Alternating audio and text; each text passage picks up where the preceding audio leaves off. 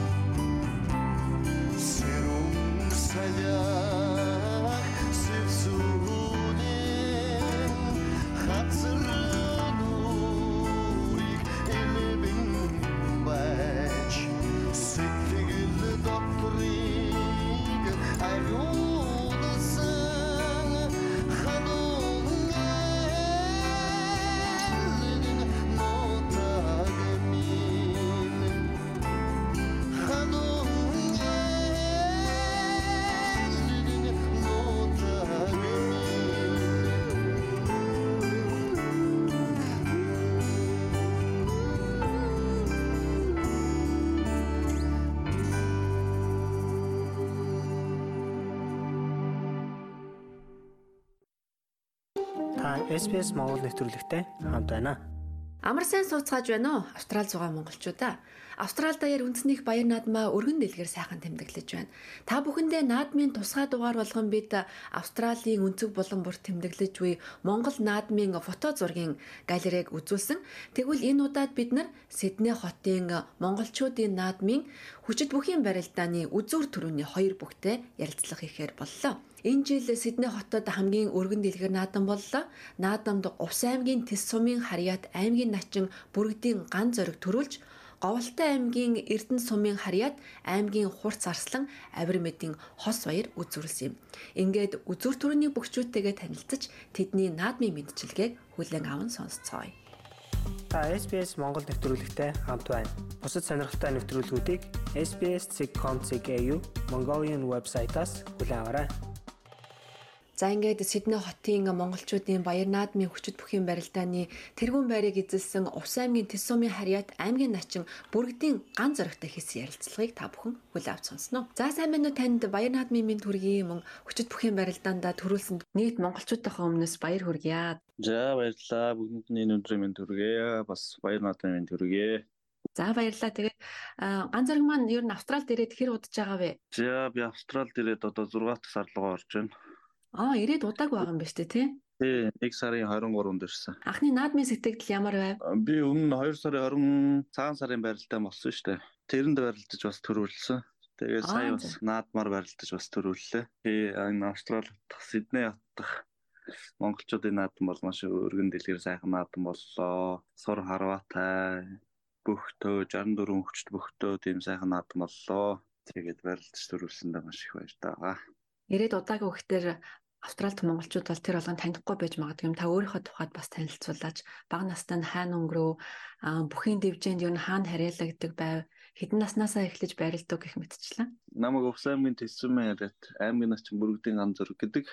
Бага нас маань бол Увс аймгийн төвд аймгийн төв дээр ер нь бол төрж өссөн манай гэрийнхэн бүгд тисэх аав ээж маань өсөний тисэх байхгүй 10 жилээ тэнд дүүргсэн. Тэгээд ер нь оюутан болол нөхөн бэлтгэл хийж бүх болно гэж бодож бэлтгэл хийж гисэн дээ Тэгээ 2019 онд аймгийнхаа баяр наадам тав тавч шөөгөрөөл аймгийн начин цал хүрсэн. Танд ер нь бүхий удам байдгүй. Удам байгаа. Монгол Улсын зам Дамирнгийн бом баяр гэж манай нах зах бай. Миний ээж төрсөн. Өгтэй. Тийм хүн байгаа. Тэгвэл аргагүй бүхий нутаг, бүхий удамтай хүн Австралид бол ирээд бас амжилттай барилдалгүй яхаа. Тэгээд Австралда гэр бүлээрээ ирсэн үү? Тийм, гэр бүлээрээ ирсэн. Австралид ирээд удааг байгаа юм байна. Ер нь Австрали орны тухайд хэр сэтгэлдэлтэй байна? Хэр сууршиж амжиж байна? Аа одоо л ер нь дасаал сууршиж амжиж байна да. Ер нь тэгээд маш сайхан хот байна. Амьдрах нөхцөл сайхан бүрдсэн. Хүүхдэд хүн хүндээ ээлтэй тийм сайхан хот тотлоо да. За баярлалаа. Тэгээд бидэнтэй ярилцсанд ямар ч гэсэн таныг хүлээж авсан шинэ орон нутагта нээлттэй сайхан байгаагийн нэг илрэл нь бол оролцсон хоёрч бүхийн барилдаантай бас үзүр төрөнд үлдээд түрүү бүхийн манлаад үлдчихэж байгаа нь танд бас ээлтэй байгаагийн нэг шинж тэмдэг болоо гэж би хувьдаа харж байна. Харин тийм ээ бас сайхан бэлэгдэж байгаа. Ээлтэй байгаа. За тэгээд нийт бидний дэх монголчуудаа болон нийт монголчуудаа баяр наадам мэнд дэвшүүлээ. Бүгдээрээ сайхан баярлаараа гэж хэлмээр байна. За баярлалаа. Тэгээд алс холын нутагт Монголын өв соёлоо уламжлан тээж ирсэн танд маш их баярлалаа. Тэгээ монголчуудынхаа өмнөөс баяр хүргэж бас цаашдын ажил амжилт нь өндөр амжилтыг хүсэн ёроо. За баярлалаа. За баярлалаа. Баяртай. За баяртай. Та SPS Монгол нэвтрүүлэгтэй хамт байна.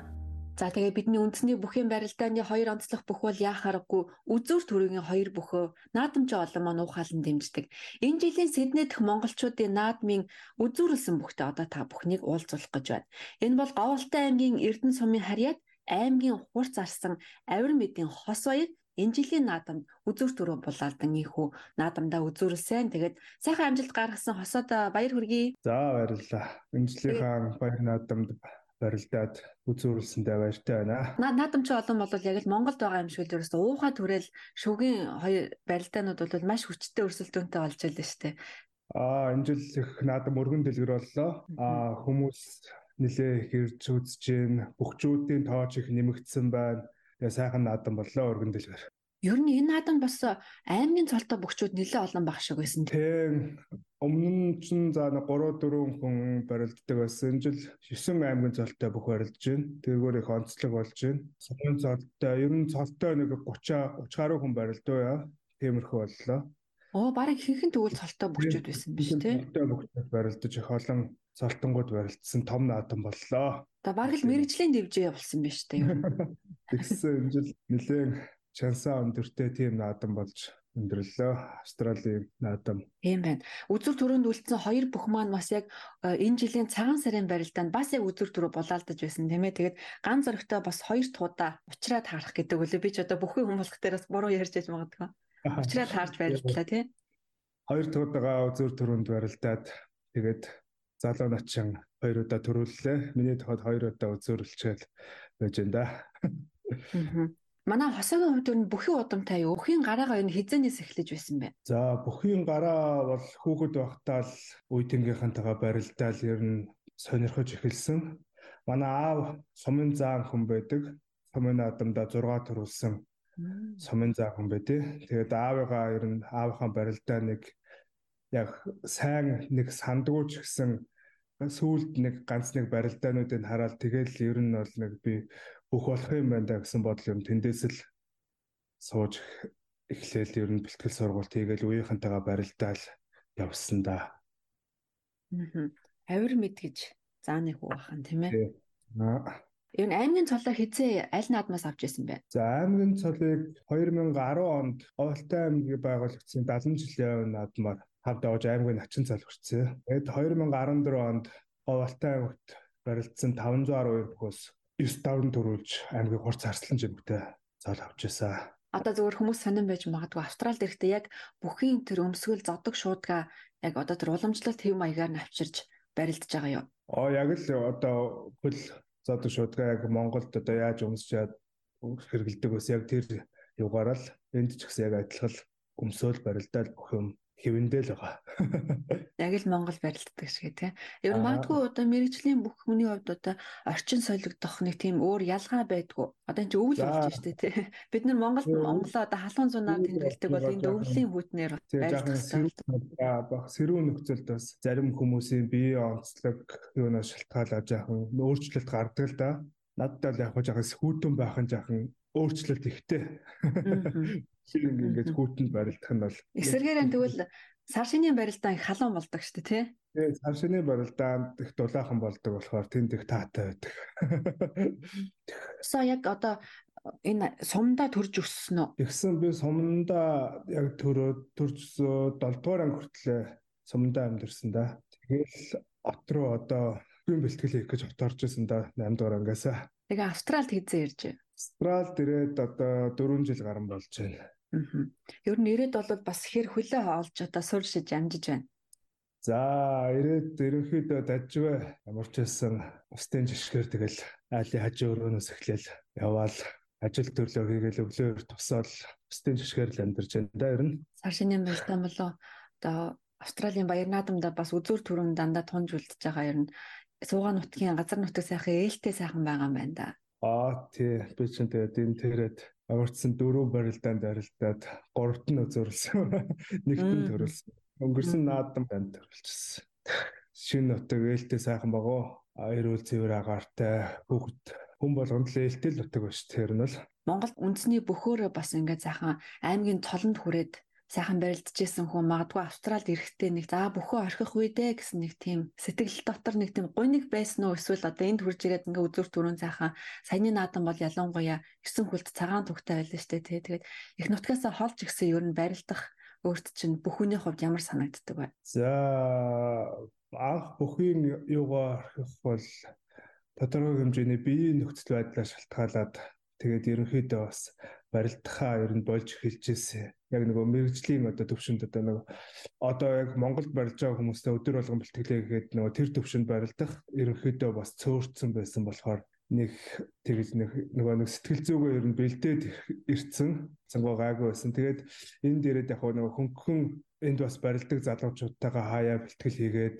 ерөнхийдөө наадам жилдээ хоёр удаа барилдаанд барилдаад чөлөө цагаараа дүүнэртэйгээ найзуудтайгаа ингээд бэлтгэл хийгээд явж байгаа болохоор нэг учиргүй бас хүн дээрээгүй хаяа нөгөө өөрийнхөө сурсан дадсан юмаа ингээд хийгээд хаяа тэргээрээ хөгжилдөөд ингээд явж байгаа болохоор ерөнхийдөө бас дажгүй байгаа. Монгол залуучууд нэг уулцаар нэг заа нэг өрчхүү гэл. Тэгж гинүү таад хоорондоо. Ерөнхийдөө бид нар бас нэг 7 өдрийн хагасаа өдөр өдөр цаг гаргаад яа дээ уулзаад бэлтгэл хийдээ. Аа энд Австралид барилдаг залуучууд бас Одоо ойрт хүүтч гэж яах юм ингээд нөө эрт таранхуу болоод байгаа болохоор ажилтны хүмүүс жоохон яаж чадахгүй. Зуны цагт бол ерөнхийдөө бас уулзаад бэлтгэл сургалт хийдэг тийм юмнууд байгаа. Аа тэгвэл Австралид байгаа бөхчүүд маань бол бэлтгэлээ байнгын хийгээд байдаг. Ямар ч гэсэн уламжлалт тэр дэг жагаа бол алдаагүй л яваа маань гэж ойлголоо. Яг ингээд үндэсний хувцастайгаа ингээд барилдаж байхад гадны хүмүүс ер нь харж яваа тэд нар ер нь юу гэж хэлдэг вэ? Бас их сонин садан харагддаг баг та. За манай үндэсний бүхэн өмсгөл чинь өөрөө бас их задгаа хоцтой шүү дээ тий. Аа гадныханд бол тэгж харагдах бах тий.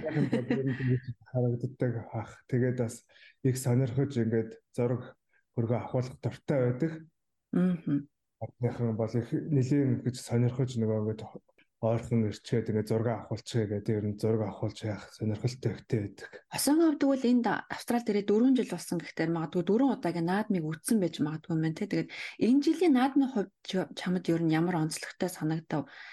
Зам хариасан байна. За анхудаа бас яг үндэсний сур харваа бас болсон шүү дээ те өөрийн чинь хувьд бол Монголын үндэсний бүхэн одоо 93 наадмын нэгийг тэргүүлж байгаа хүний хувьд ер нь наадам хэр болов? За наадам за ирээд нэг ковидын жил болоод нэг жил үндсэн бахана 3 наадам үзээд яаж ин жилээс жилд Австрал дахь одоо монголчуудын наадам нэлээ өргөжж цар хүрээгээ тэлж байна энэ жил чихэн сорын харваагаар одоо бод хилээд ингээд 93 наадмын ямар ч хоёр нь албан ёсоор ялаа. Тэгээд шагаа харваатайгаа 3 наадмаар бид нэр сайхан наадцааж байна. Их олоола олон бүрэлдэхүүнтэй шагаа манай шагаа харвааныхан бол бүр олон бүрэлдэхүүнтэй наадамд оролцдог. Тэгээд нөө энэ жил нөгөө хүмүүс маань бас их ирсэн байна. Тэгээд ирсэнээр ач холбогдол нөгөө наадам маань их өргөн дэлгэр боллоо. Монголчууд олноороо цуглаж сайхан нэг өдрийг үндснийхээ спорт болон одоо бусад урлагийн тоглолт болон одоо өөр шашны зүйлсээ харж одоо сайхан сэтгэлийн таашаал эдэл нэгэн өдөр одоо Монгол наадам араа сайхан амьсгалж өнгөрөөж байна. Тэгээ наадам бол жилээс жилд өргөжж өргөжж л сайхан л болж байна. Тэр нь бол зохион байгуулагчид маань ч гэсэн бас сэтгэл зүрхээ гаргаж энэ ажлыг хийж байгаа учраас тэдэндээ бас талархах хэрэг талархах хэрэгтэй байхаа гэж би хувьдаа бодож байсан. Тэгээд хос баяртай маш их баярлалаа. Иргэжлийн наадамд нь амжилт хүсье. За баярлалаа. Одоо Монгол наадмын мэндийг хүргье. За баярлалаа. Бидний хүссэн газраа сонсоорой. SBS радиогийн аппликейшнийг SBS.com.cg-ийн радио апп хаягаар татаж аваарай.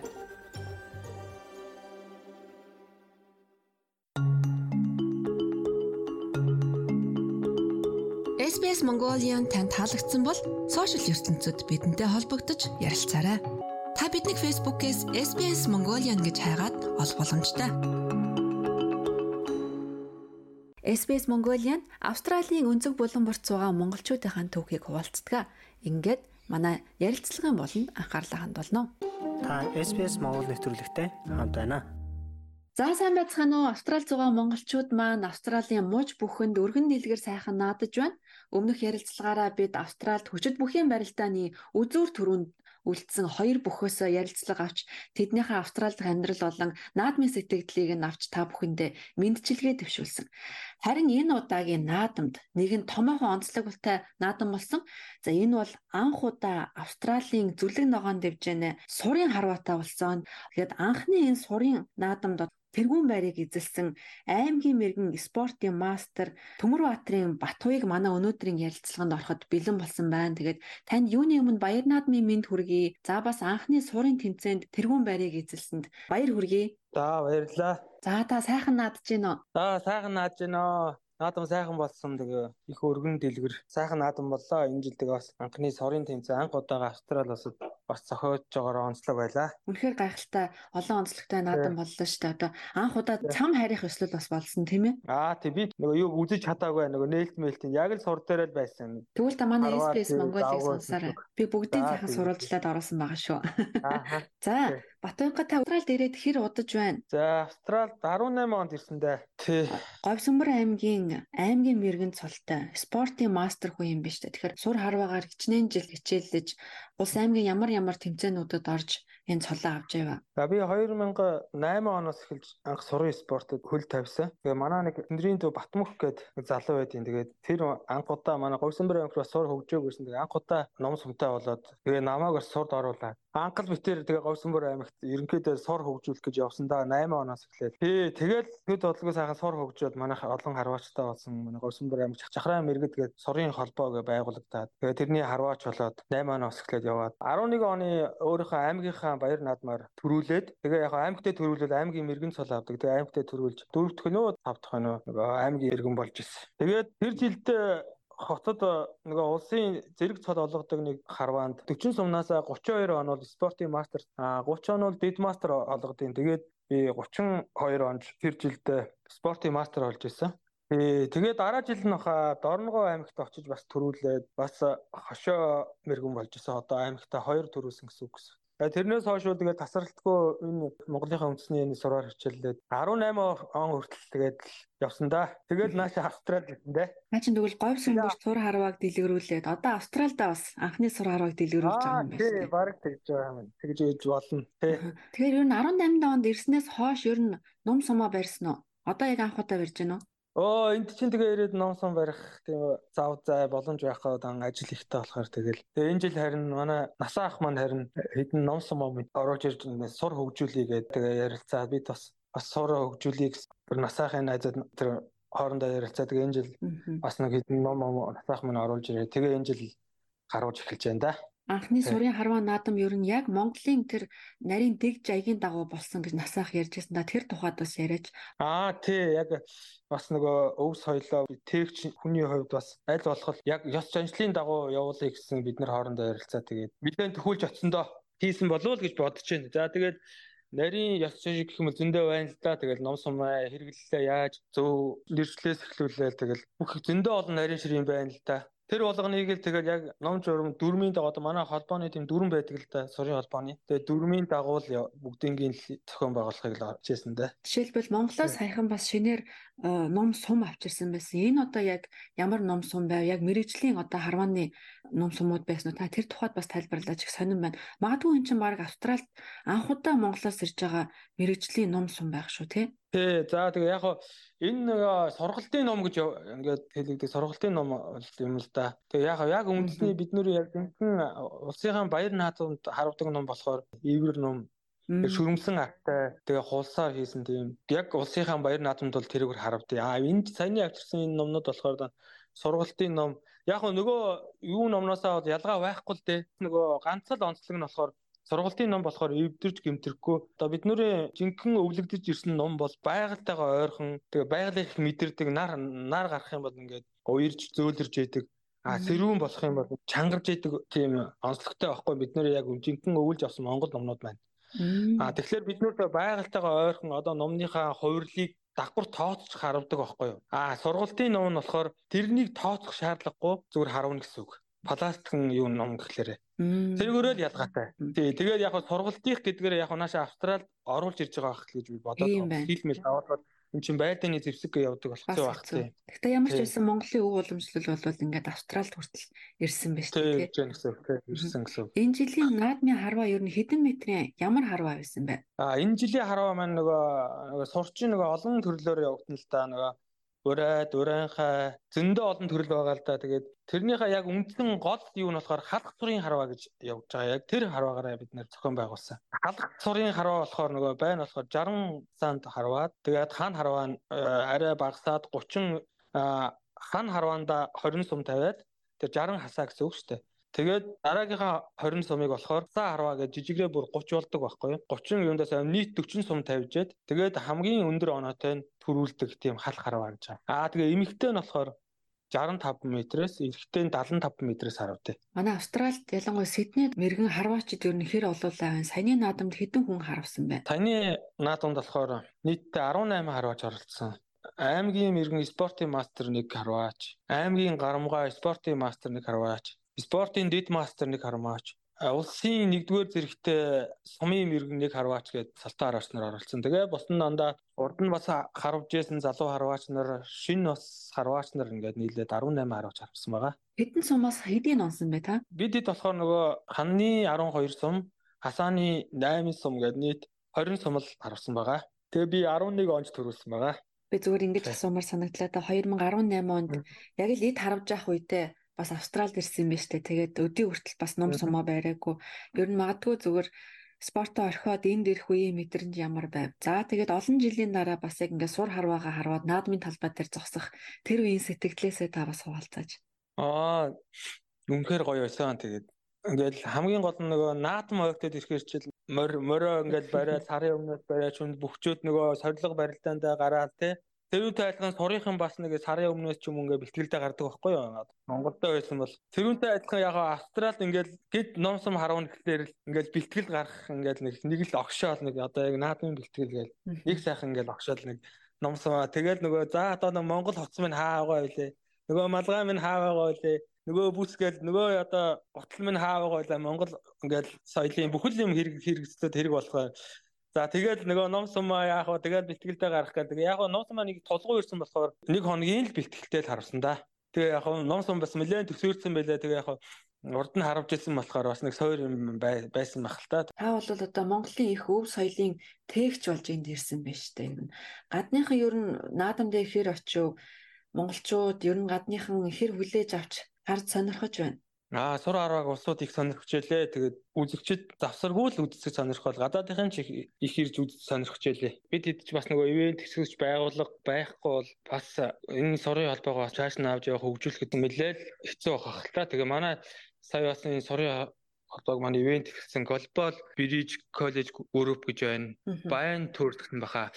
Гэт хоёр ийм байгууллагаас бид эдийг бас ивент итгэж бас сур Тэсн хоёр байгууллагатаа бас үнэхээр их баярлалаа гэж бас энэ бас шилмээр байна. Одоо энэ сурын хараа бол бас австралид ингээ хөгжих боломжтой болчлоо шүү. Ном сумтай болчлоо. Тэгээд цаашдаа та бүхний төлөвлөгөө ер нь юу байна? Бидэд бас одоо ингээд хоорондоо ярилцаад холбоо байгуулад тэгээд 7 хоногтоо бас нэг тэтгэлээ хийгээд ингээ явъя гэсэн цаашдын төлөвлөгөө гаргацсан л байгаа. Тэгээд олон харваач нар Австралидаа бас харваач нар шин залуу харваач нарыг бэлдээ. Тэднийг сургая. Бас өв боломжлолаа. Бас сурталчлаа энэ зорилго тавиад цааш та хойштой ажиллах болноогоо ярилцаад байж энэ да. Монголын үндэсний их баяр наадам ялангуяа 93 наадам бол ард түмэндээ өгөх маш том өгөөж үлгэр дуурайл байдаг. Тэгээ таны хувьд энэ ном сум харуун гэдэг хүнд ер нь ямар төлөвшлийг өгдөг гэж та хувьдаа боддог вэ? Их олон төлөвшлийг л өгдөг байх гэж боддоо ш. Тэгээд миний хувьд л ямар ч их төвчээр их суулгад юм уу? Одоо их нэг их өөртөө дотгошоогоо өөртөө ярилцах, өөрийгөө хянах одоо яг өөрөө өөрийгөө тийм нэг төвчээртэй хэл нэг буйртай нэг хэл дотгошоогоо өөртөө ярьдаг, өөрийгөө ойлгодог байдлыг сургадаг байх гэж боддоо шүү дээ. Ялангуяа гадаадд байгаа бид нарт бол цаг үеэ анзаарахгүй заримдаа өнгөрчихсөн байдаг. Тэгээд өөр л өгөө өнгөх бас нэг юм сайхан боломж байдаг юм байна. Цаг зав гаргаж ярилцсанд маш их баярлалаа. Энэ ярилцлагыг маань сонсоод магадгүй залуучууд та бүхэнтэй холбогдоод сурын харваагаар хичээлэх хүсэлтэй байж болох юм. Тэгээд за тэгээ ямар ч гэсэн Австралид Монгол сурын харвааны үүсэл нэг сайхан эхлэл тавигдаж байгаад маш их баяртай байна. Тэгээ танд болон яг энэ санаачлагыг гаргасан насаахтаа бол монголчуудынхаа өмнөөс талархаад баршгүй. Цаашдынх нь ажил үйлс нь өндөр амжилтыг хүсээгээр та сайхан наадаарай. За баярлалаа. Тэгээ Австралид байгаа монголчууд мөн сайхан надараа гэж хэлье да. За баярлалаа. За баярлалаа танд. Маш их баярлалаа. За. Австрали улсад амьдарч эхлэх гэж байна уу? Хэрэгтэй мэдээллийг SBS.com.cg юу? Уршаа зураас Mongolian хуудасаас хүлээн авах нь. Манай радио хөтөлбөр Монголын уран бүтээлчдийн дууг аль биесны нэрхтэйгээр танд хүргэдэг. Ингээд нэгэн уран бүтээлийг танд зориулъя.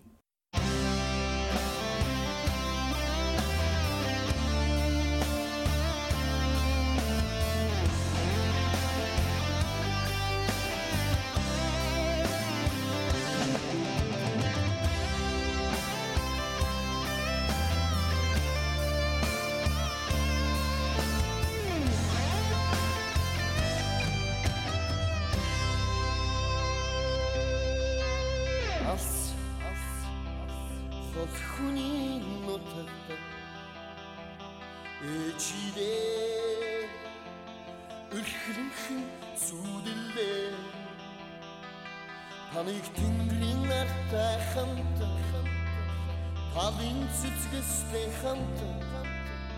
Альбом нутаг тайгаа зүудээ Ото Бочтэнтэй харас Авпаа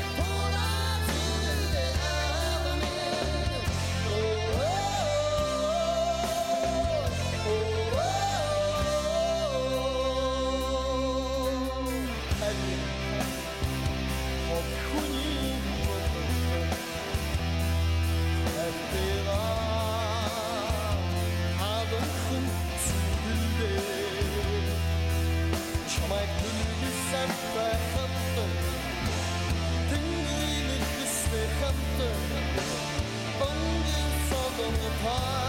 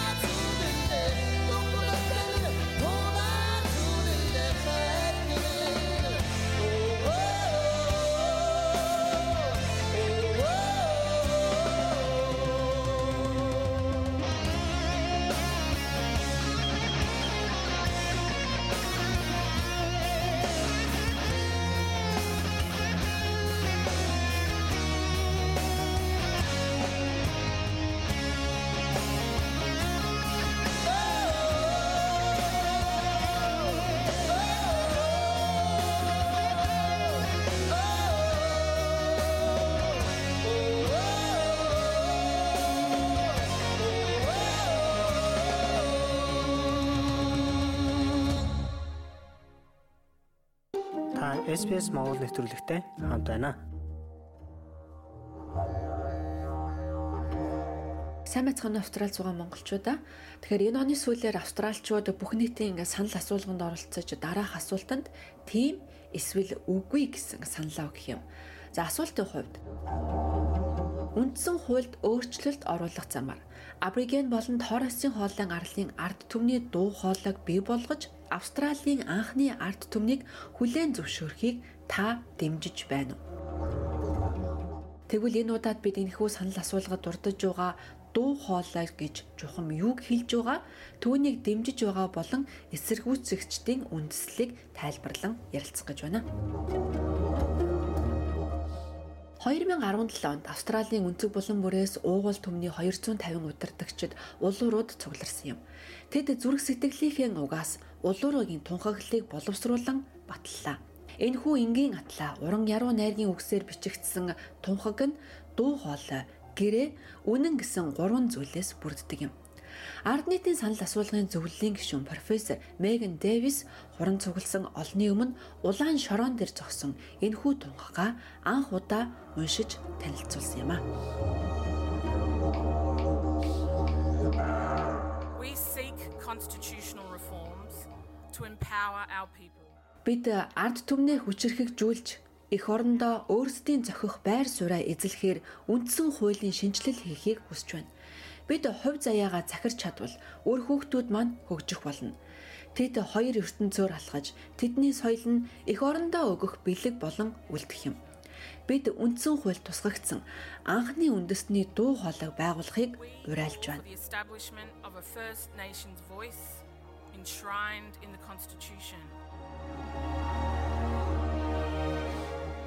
Энэ өдрөөс хойш 6 жил өнгөрчээ. Одоо ч тэд Австрали улсыг үндсэн хуульд өөрчлөлт оруулахад санал өгөхийг уриалсаар байна. Харин энэ оны сүүлээр болох энэхүү бүх нийтийн санал асуулгаар австралчууд дараах асуултанд тийм эсвэл үгүй гэсэн саналаа өгөх юм. Абориген ба Торресын хоолын арт түмний дуу хоолойг байгуулах замаар Австралийн анхны арт түмнийг хүлээн зөвшөөрөх үндсэн хуульд оруулах өөрчлөлтийг та дэмжиж байна уу? Тэгвэл voice буюу дуу хоолой гэж чухам юу вэ? Voice буюу дуу хоолой нь Австралийн парламент болон гүйцэтгэх засаглалт, Абориген болон Торресын хоолойн арт түмэнд холбогдолтой хууль тогтоомж, бодлогын асуудлаар төлөөлөл оруулах байнгын үйл ажиллагаатай байгууллага байгуулна гэж засгийн газар дахь анхны үндэснүүдийн санал асуулгын ажлын хэсэг мэдгдсэн юм. Бүх нийтийн санал асуулгын ажлын хэсгийн гишүүн Пет Андерсон ярихдаа Австрали улс анхны арт түмэнтэйгээ харьцахдаа илүү сайн ажиллах ёстой учраас энэхүү дуу хоолой хэрэгтэй байна гэж тайлбарллаа. It's a universal truism Хинд зориул шийдвэр гаргах гэж байна. Тэр хүмүүсээ оролцуулан шаардлагатай бүх нөөцийг илүү сайн хуваарлах нь туйлын үнэн зөв арга билээ. Энэ бол альва ардчлалын үндэс суурь юм. Австрал бол анхны ард түмэнтэйгээ ямар ч зохицуулалтгүй харьцаж ирсэн дэлхийн цөөн ардчилсан орнуудын нэг гэдгийг та бид мэднэ. Arrangement, any settlement with its first peoples. Энэ бол цоо шин санаачлаг биш Сүүлийн 100 жилийн туршид Абриген болон Торресын хоолын арлынхан өөрсдийн улс төрийн дуу хоолойг хүргэхийн тулд нэг бус нэлээд олон арга замаар уриалсаар ирсэн юм. Австралийн уугуул иргэдийн асуудал эрхэлсэн сайд Линда Берни хэлэхдээ уугуул иргэдийн удирдагчдын хүсэж байгаа зүйл гэсэн энгийн шалтгаанаар энэхүү уриалгыг хүндэтгэж үзэх хэрэгтэй. Энэ уриалгыг засгийн газраас гаргасан бөгөөд маш нарийн үйл явцын үр дүнд бий болсон юм гэсэн юм а. 122 years after the Australian Constitution was formed. More than 80 years. Австралийн үндсэн хууль батснаас хойш 122 жил. Уильям Купер өргөдөл гаргаснаас хойш 80 жил. Брунгад тунхагаас хойш 35 жил. Китин Редферн үгээ хэлснээс хойш 30 жил өнгөрчээ. Джон Ховард бүх нийтийн санал асуудлыг явуулна гэж амласнаас хойш 16 жил өнгөрлөө. Уучлал гуйснаас хойш 15 жил болж байна. Үндсэн хууль хүлээн зөвшөөрөх асуудлаар шинжээчдийн зөвлөл бий болсноос хойш 13 жил мөн зүрхнээсээ улуурын тунхаглалыг гаргаснаас хойш 6 жил асуултыг эргэлзэх зүйлгүйгээр заавал тавих ёстой. Абриген болон Торресын хоолын арлын ард иргэд хүлээн зөвшөөрөгдөхийн тулд хэр удаан хүлээх ёстой вэ? Бид энэ дуусаагүй ажлыг хизээ эцэслэн шийдвэрлэх вэ? How much longer? to Aboriginal and Torres Strait Islander people have to wait for recognition. When will we finally resolve this unfinished business? Тэгвэл үндсэн хуулиндаа дуу хоолойг тусгах нь ямар учиртай вэ? Эсэргүүцэгчд өмнөх байгууллагуудын адил үүнийг хуульчлах боломжтой гэж үзэж байна. Тэгвэл өмнө нь байгуулагдж байсан зөвлөх бүлгүүд шиг ирээдүйн засгийн газар үнд нөлөөлж татан буулгах боломжгүй байх ёстой гэж Artsig буюу Абриген болон Торресын хоолойн арлын комисс зэрэг уугуул иргэдэд удирдахчиж үзэж байгаа юм. Марсия Лангтон бол Voice-ийн гол үндэслэгчдийн нэг бөгөөд бүх нийтийн санал асуулгын ажлын хэсгийн гишүүн юм. Тэрээр ингэж ярьлаа. Each one of us here has been involved in a major initiative, the Royal Commission into Aboriginal Deaths in Custody the inquiry into the forced removal of Aboriginal children from Хорих төвд аборигенчүүдийн үхлийг судлах хааны комисс. Абориген хүүхдүүдийг гэр бүлээс нь албатан салгах тухай мөрдөн байцаалтын ажиллагаа. Дон Дэлийн хааны комисс. Бид үүнийг цааш үргэлжлүүлсээр байж болно. Мөн бид үхэл, шоронд хорих, нас баралт, зовлонт амьдралын тохиолдол бүрт энэ бүгдийг зогсоохын төлөө өөрчлөлт хийхийг хатуу шаардсаар ирсэн. Гэвч бидний энэ шаардлагыг хэрэгжүүлсэн нь маш ховор. Ийм учраас бид ялгааг арилгахын тулд гаргасан сайн үр дүн танилцуулах боломжгүй байна. Бид элсэн дээр зураас зурж үүнийг өөрчлөх ёстой. Ард түмний амьдрал дээшлэх ёстой гэж хэлэх гэж эндэрсэн юм. Бид үгээ хэлж чаддаг байх нь амьдрал дээшлэх баталгаа болдгийг мэднэ. Энэ бүхэн үүний л төлөө юм. Тэгвэл улууруугийн тухаглалд дурдсан гурван зүйлийн нэг болох дуу хоолой нь яагаад бусад гэрээ ба үнэнгийн өмнө нь гарах ёстой вэ? Дэмжигчдийн үзэж байгаагаар гэрээ байгуулахын тулд засгийн газартай хэлэлцээр хийх төлөөллийн байгууллагатай байх хэрэгтэй юм. Энэ нь одоогоор биелэлээ олоогүй байна гэж тэд тайлбарлаж байна. Австралийн олон нийт үндсэн хуулиар уугуул иргэдийг хүлээн зөвшөөрөхийг өргөнөөр дэмжиж байгааг олон удаагийн санал асуулга харуулсан. Гэвч мэтгэлцэн үргэлжлэх тусам дуу хоолойг дэмжих саналын тоо багассаар байгаа юм. Засгийн газар хоёр намын дэмжлэгийг хүлээж байсан. Үүнгүйгээр бүх нийтийн санал асуулга амжилтанд хүрэх магадлал тун бага гэдгийг түүх харуулдаг. Гэвч эвсэл үүний оронд үгүй гэдэг компанид ажлыг дэмжихээр болжээ. Сөрөг хүчний удирдагч Петер Дотон уг саналыг Камбриагийн дуу хоолой гэж нэрлсэн юм. Энэ дуу хоолойг үндсэн хуульд тусгавал парламент үүнийг өөрчилж хууль батлах боломжгүй болно. Парламент үндсэн хуулиас гадуур ажиллах боломжгүй. Хэрв австралчууд худалдан авалтантай харамсна гэж үзвэл Voice нь ямар ч буцаалт хийх боломжгүй худалдан авалт болно гэсэн үг. Энэ Voice эндэл үлдэнэ. Гэтэл энэ байгууллагыг бүрэн туршиж үзээгүй. Өмнөд Австралийн нэгэн адил хуульчлагдаагүй. Албаны засгийн газар өнөөдөр ийм сонголтыг хийх боломжтой. Тэдэнд бүрэн нээлттэй байна. And the Albanese government has this option available open to them today. Сөрөг хүчний асуудал хариуцсан ахлах прокурор Уугуул иргэдийн асуудал эрхэлсэн төлөөлөгч Жакинда Намба Жимба бөгөөд тэрээр Northern Territory-гийн сенатч юм. Тэрээр Voice-ийн бодит ашиг тустай байна гэдэгт эргэлзэж мэтгэлцээн уугуул иргэдийн өмнө тулгараад байгаа бодит асуудлыг цааруулж байна хэмээн үзэж байна. Энэ бүх нийтийн санал асуулга дуустал биднийг түр хоош тавиад байна. Албаны засгийн газар бидний зарим хүнд хэцүү асуудлуудыг шийдвэрлэх цорын ганц зүйл нь парламентэд дуу хоолойтой байна гэж санал болгож байгаа нь бодит асуудлыг нэн даруй шийдвэрлэхгүй байх гарсан юм. Энэ бол ил тод бөгөөд туйлын худал юм. Энэ бол түүний хариуцлага. Яг одоо энд болж байгаа бүх зүйл үйл явдалт энэ бүх асуудлыг Австралийн уугуул иргэдийн асуудал эрхэлсэн сайд яаралтай шийдвэрлэх үүрэгтэй. To address these immediate concerns that are taking place right here right now. Энэхүү дуу хоолой нь нарийн ширийн зүйлээр тутмаг арьсангоор ялгуурласан хууль эрх зүйн сорилтод төсжүүлдэг чадвар сул гихмэд бусад шүүмжлүүд ч мөн энэхүү войсыг дагсаар байгаа юм. Warren Mondi бол үгүй гэдэг компанид ажлын нэгэн төлөөлөгч юм my view on the voice of parliament is is it's a total waste of money. You know, there's 300 Парламентэд хүргэх дуу хоолойн тухай миний бодол бол маш их мөнгө үрсэн зүйл. 300 гаруй сая доллар зарцуулж байна. Үүнийг Австралийн алдлагдсан бүс нутгуудад олон нийтийн төслүүдэд зарцуулж болно.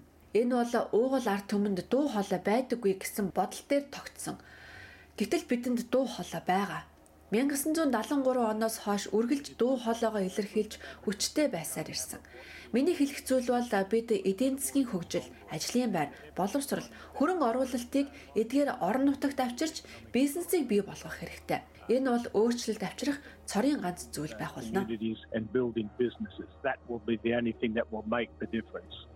Гэхдээ Voice-ыг эсэргүүцэгчид бүгд нэг багт багтдаггүй. Виктория Мужийн бие даасан сенатор Лидия Торп Voice хангалттай биш гэж үздэг. Энэ оны эфир тэрээр Voice-ыг дэмжиж байгаагаасаа болж ногоо намын гишүүнчлэлээс гарсан. Одоо сөрөг хүчинд Black тусгаар тогтносон хөдөлгөөнийг төлөөлж байгаагаа мэдгдсэн. Үүний оронд тэрээр 1991 оны Хатан хааны комиссийн аборигенчүүдийн цагтан хорих газарт насварсан асуудлаар гэрээ байгуулж зөвлөмжийг бүрэн хэрэгжүүлэхийг уриалж байгаа юм. You are crucifying us again. Giving us no power. Та нар биднийг дахин цовдолж бидэнд ямар ч эрх мэдэл өгөхгүй байна. Хэрвээ та үнэнч байсан бол Шинэ Зеландд байдаг шиг энд Сенатад суудлаг тэдэн шиг гэрээ байгуул. Бид яагаад үүнийг хийж болохгүй гэж. Та нар юунаас яагаад байгаа юм бэ? Хөдөлмөрийн Хөг тэр үед хуучинсаг үзэлтнүүдээсээ татгалзаж гэрээ байгуулахгүй байхыг шаардсан. Та бүхэн мэдэндээ Китинг оролдож үзсэн. Гэвч түүнийг дуугүй болгосон. Бас Албо ямар ч зориггүй байгаа нь ойлгомжтой байна and Albo's obviously got no guts. Бүх нийтийн санал асуулгыг энэ оны 10-аас 11-р сарын хооронд аль нэг өдөр явуулах төлөвтэй байгаа товыг хараахан зарлаг байна. Австралийн ихэнх мужуудад дийлэх олонхын санал авснаар нэлээд өндөр үзүүлэлт авч байж энэхүү санал асуулга амжилтанд хүрэх юм а.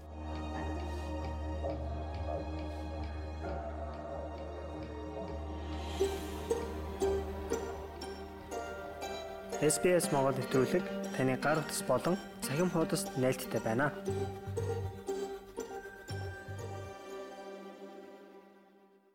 SBS Mongolian радио хөтөлбөртэй хамт байгаа танд баярлалаа. Одоо Австралид оршин суух хөтөч нэвтрүүлгийг хүлээн авч сонсцгоё. Та SBS Монгол нэвтрүүлэгтэй хамт байна. Цалингаа нэмэхийг хүсэх нь олон ажилчдад айдас төрүүлдэг байж болох юм. Гэхдээ та айх хэрэггүй. Хэрвээ танд зөв үндэслэл байгаа бол хамт ажиллагсатайгаа нийлэн эсвэл ганцаараа ч үж болно. Ямар ч ажил олгогчтойгоо энэ тухай ярилцаад үзэх хэрэгтэй.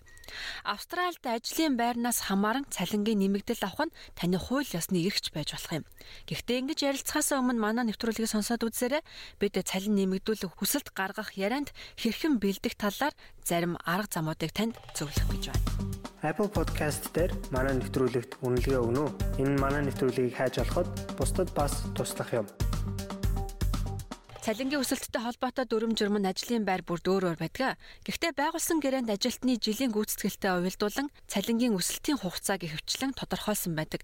За гэхдээ ажилчид өөрсдөө хүссэн үедээ цалингаа нэмэгдүүлэх хүсэлтээ гаргаж менежертэйгээ ярилцаж болно. Латропийн их сургуулийн профессор Сузана Янг Австралид жилийн аль цагт дарагтайгаа цалингийнхаа талаар ярилцах тохиромжтой үе байдгийг ингэж зөвлөлөө would recommend that it should be done before the end of the Санхүүгийн жил дуусахаас өмнө ярилцах ёстой гэж би зөвлөмөр байна. Жил бүрийн 6 дугаар сарын 30-нд санхүүгийн жил дуусдаг. Тэр үед эх оны төсөв санхүүгээ төлөвлөдөг юм. Тиймээс тухайн санхүүгийн жил дуусахаас өмнөхөн за 4-өөс 5 дугаар сарын үед цалингийн өсөлтийн талаар уулзаж ярилцах нь тохиромжтой байдаг. Энэ нь дараагийн жилийн төсөвт суулгах тохиромжтой цаг үе. Ажилчид цалингаа жил бүр нэмэгдүүлэх нь тэдний хууль ёсны эрх байж болно. Австралийн ихэнх ажлын байрууд үндэсний ажлын байрын хамгаалалтын тухай хууль тогтоомжийн төв байгууллага болох Fair Work системд хамрагддаг. Үүнд тодорхой салбар мэрэгжлэр ажиллагчдын хууль ёсны хөдөлмөрийн хөлсний доод хэмжээг тогтоосон цалингийн хувь хэмжээг заасан байдаг. Энд багтсан ажилчид жил бүр цалингийн доод хэмжээгээр өөрийн цалингаа нэмэгдүүлэх эрхтэй байдаг. Ингийн тулд үйлдвэрчний эвлэлийн хэлэлцээрийн дагуу Fair Work-ийн шийдвэр гаргаж нэмэгдэл олгох боломжтой байдаг юм байна. За мөн Enterprise Agreement байгууллагын гэрээтэй бол хөдөлмөрийн хөлсний доод хэмжээг нэмэгдүүлэх хуулийн заалт бий. Ажилчид тэдгээрийг төлөөлөгчд ажил олгогчийн хоорондын хэлэлцээрийн үр дүнд гэрээ байгуулан нэмж болдог. Профессор Янг хэлэхдээ цалингаа нэмэгдүүлэхийг хүсэхээс өмнө та хамгийн түрүүнд байгууллагын гэрээтэй ажилдгүй эсвэл Fair Work-оос тогтоосон цалингийн доод хэмжээгээр үнэлэгдэж байгаа юу гэдгээ мэдэж аваарай. Нэмжлэхэд та хуулиар тогтоосон хөдөлмөрийн хөлсний доод хэмжээнээс илүү нэмэгдэл авах эрх танд бүрэн бий. Тиймээс та ямар ч нөхцөл цалин нэмэх талаар тохиролцож болно. Танд гэрээнд зааснаас дээгүүр цалингийн тухай ярилцаж болно. Таны ажил үргийн тодорхойлолтон заасан хэмжээнээс илүү их зүйлийг та гүйцэтгэж байгаа бол цалингийн ангиллыг өөрчлөх талаар тохиролцож болно. Дараа нь цалин нэмэгдүүлэхийг тэд зөвшөөрөх болно. Хүний нөөцийн мэрэгжилтэн Karen Kelly-ийн хэлснээр олон хүмүүс илүү өндөр цалин эсвэл албан тушаал ахихыг хүсэх нь эвгүй зүйл гэж үздэг. Өөр соёлтой ажилчид үүнийг ээлдэг бус байдал эсвэл өндөр албан тушаалтантай хүний эрх мэдлэг давсан алхам болон гэж ойлгодог. Гэсэн хэдий хэрв та цалингаа нэмэгдүүлэх шаардлагатай боломжтой гэж үзэж байгаа бол ярих нь хамгийн чухал юм. Some employers don't want to give people more money, right? And they will say no, but it's not because it's not. Зарим ажил олгогчид хүмүүст илүү мөнгө өгөхийг хүсдэггүй. Тийм ээ, тэд үгүй гэж хэлж болно. Гэхдээ энэ нь үндэслэлгүй учраас та нэмүүлж чадахгүй гэсэн үг биш. Хэрвээ таны оруулсан хувь нэмэр үнэхээр илүү их цалин хүртэх ёстой гэж та үзэж байгаа бол үүнийг асуух нь зүй ёсны хэрэг юм. To help confidence that it is reasonable for you to ask the question. Таны ажилдаг салбар, тантай ажил, ажлын байр орчинд харьцуулж болох цалингуудыг судлаж үзэх нь танд хэрэгтэй мэдээлэл байх болно гэж профессор Янг хэлж байна. Гэхдээ ажлын байранд бусдын цалин асуух нь тохиромжгүй. За үүнийг нууцладаг соёл байдгийг битгий мартаарай. Энэ нь залуу ажилчид эмэгтэйчүүд цөөнхийн бүлгүүдэд сөргөөнөлүүлж болох юм а. Цалингийн хувьд ялгаа тэгш бус байдал байдгийг та олонтаа харсан байж болно. Хамт ажилладаг хүмүүстэйгээ эвтэйхэн байх нь чухал гэж би бодож байна. Тэгээд хэсэг хугацааны дараа та эдгээр зүйлсийн заримыг нь ярьж анхаарлын төвд авчирж болно. Таны хийж чадах өөр нэг зүйл бол хэрв танай ажил дээр үйлдвэрчний эвлэлтэй бол тэднээс асууж зөвлөгөө авч тусламж хүсээрэй. Тэд илүү их ойлголттой байдаг. Мишель Ониел бол Австралийн үйлдвэрчний эвлэлийн зөвлөлийн ерөнхийлөгч юм. Тэрээр хэлэхдээ үйлдвэрчний эвлэлийн төлөөлөгчд нь салбарын хэмжээнд харьцуулж болох үуч ажилчдын цалингийн талаар мэдээлэл цуглуулгатай нь туслаж болно гэлээ. Энэ мэдээлэл нь таны цалингийн өсөлтийг хэлэлцэхэд хэрэг болно. Та ижил ажил хийж өөр компанид эсвэл өөр байгууллагад ажиллаж байгаа хэн нэгэн ямар цалин авч байгааг олж мэдэх боломжтой. Ингэснээр та цалин нэмэгдүүлэхээр ярилцаж байхдаа бусад хүмүүс ижил ажил хийснийхээ төлөө ийм цалин авч байна гэдгийг харуулах боломжтой юм а. Хадагтай Ониэл цалин хөлсийг сайжруулах талаар үйлдвэрчний эвлэлийн гишүүн болон бусад ажилчдын хамт нэгдэж хүсэлт гаргах нь илүү хялбар гэж үзэж байна. Even if your workplace hasn't had an agreement before. Хэдийгээр таны ажлын байр урд өмнө гэрээ байгуулаагүй байсан ч та үйлдвэрчний эвлэлийн бусад ажилчтайгаа нэгдэж энэ ажиллаж байгаа хүн бүртээ гэрээ байгуулах хүсэлтэй байгаагаа илэрхийлж болно. Энэ бол цалин нэмэх хамгийн эхний сайн арга юм хувь хүн ингэж шаардахад илүү хэцүү байдаг учраас нэгдэх нь үр дүнтэй. Австралийн үйлдвэрчний эвлэлийн гишүүд нэгдмэл бус хүмүүсээс 7 хоногт дунджаар 312 доллараар илүү цалин авдаг болохыг нотлох баримт байна. Үйлдвэрчний эвлэн ажилчдыг энэ үйл явцыг үр дүнтэй удирдахад нь туслах заавар зөвлөгөөгөөр хангаж болно. I think it's always important to be well prepared. Сайн бэлтгэлтэй байх нь чухал гэж би боддог. Энэ бол эвлэл танд туслах гол зүйл юм. Тэгэхээр та хамгийн сүүлд хизээ цалингаа нэмүүлсэн бай. Таны ажил хэрхэн өөрчлөгдсөн. Тэгээд илүү их үүрэг хариуцлага хүлээж байгаа бол түүнийхээ үндслүүд юу вэ? Үүний жишээ болгоод бодож үзээрэй. Гэхдээ энэ бол та цалингаа нэмэгдүүлэх хүсэлт гаргахын тулд заавал үйлдвэрчний эвлэлийн гишүүн байх ёстой гэсэн үг биш юм. Хэрвээ та өөрийн нэрийн өмнөөс хүсэлт гаргаж байгаа бол таны оруулж буй хувь нэмэр таны үнцний талаар ярианда оруулж ярилцах нь чухал гэж профессор Янг танд зөвлөж байна. But I'd be really focusing the argument around Энэ хэлэлцээний гол агуулга таны оруулж байгаа хувь нэмэр төвлөрөх болно. Жишээ нь өндөр үр ашиг харуулж чадах уу? Та тодорхой хэмжээний мөнгө эсвэл тодорхой шинэ үйлчлүүлэгч авчирсан. Үр ашгийг нэмэгдүүлэхийн тулд ажлын явцыг хурдсгасан өөрчлөснөө харуулж чадах уу? Хүний нөөцийн мэрэгжилтэн Karen Gale-ийн хэлж байгаагаар таны цалин хэр нэмэгдүүлэх нь таны ажиллаж байгаа байгууллага болон ярилцаж байгаа хүнээс хамааран өөр өөр байх болно гэлээ. Гэхдээ нөхцөл байдлыг хэтрүүлэн бодох шаардлагагүй гэж тэрээр мөн зөвлөлөө. It's always a one-to-one conversation. And again it'll depend on the Ийм яриаг өөр хүмүүсийн дэргэд бус яг тухайн асуудал мэдэх хүнтэйгээ хоёулаа хийх нь зүйтэй. Дахин хэлэхэд таны шууд тайлангийн менежер мөн эсэх тэдний ажлын төрөл юу вэ гэдгийг нь та бодож үзээрэй. Хэрвээ тэд ажлын өрөөндөө сууж байгаа бол та хаалгыг тогшоод ярилцахад тохиромжтой цаг мөн эцгийг нь асууж болно. Үгүй бол цаг товлохыг хүсэх нь илүү тохиромжтой. Мөн та үүнийг өөрийн оюун ухаандаа хэд ачаалал өгч асуудал болохгүй байхын дээр гэж бодож байна. a problematic event in your own mind will really help. Профессор Янг мөн цалингаа нэмэгдүүлэх хүсэлт гаргахдаа мэрэгжлийн хандлагатай байх нь чухал гэж зөвлөлөө.